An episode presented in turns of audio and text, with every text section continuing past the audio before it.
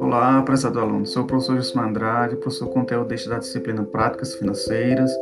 Gostaria de tratar com você um tema também muito importante dentro da disciplina de Prática Financeira, que é o conceito de alavancagem financeira. A alavancagem financeira ela é um termo bem simples que, em linhas gerais, ele significa a empresa ela aumentar a sua rentabilidade, ou seja, ela aumentar o seu lucro líquido por meio do seu endividamento.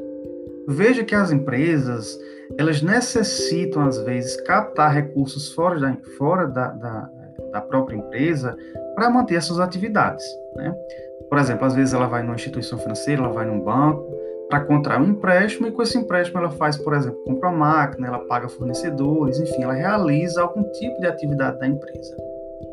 Então, a alavancagem financeira ela vai tratar essa forma como a empresa ela recorre ao mercado né, para captar recursos financeiros. Então, essa, esse, é, esse ato de recorrer ao mercado é, para conseguir, é, para conseguir, por exemplo, um empréstimo ou um financiamento, está bem atrelado também ao conceito de estrutura de capital da empresa. Né? Porque aquele dinheiro, por exemplo, que ela vai buscar no banco é chamado de capital de terceiros, né? Quando ela vai é, junto a terceiros, a outras pessoas que não fazem parte da empresa, para conseguir captar recursos financeiros.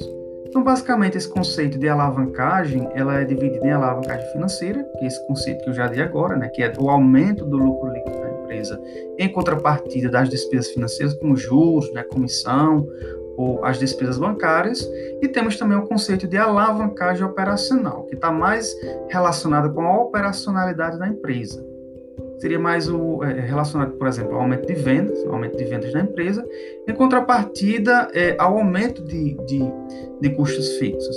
Então, notem que é interessante né, que as empresas elas atentem bem para essa relação. Então, como ela se endivida para é, aumentar, por exemplo, vendas ou aumentar o próprio líquido da empresa. Então, não é ruim quando a empresa ela se endivida. Agora, tem que haver um controle entre o capital de terceiros e o capital próprio que ela utiliza, ok? Então fique bem atento a esse, a esse conceito de alavancagem financeira operacional e bons estudos.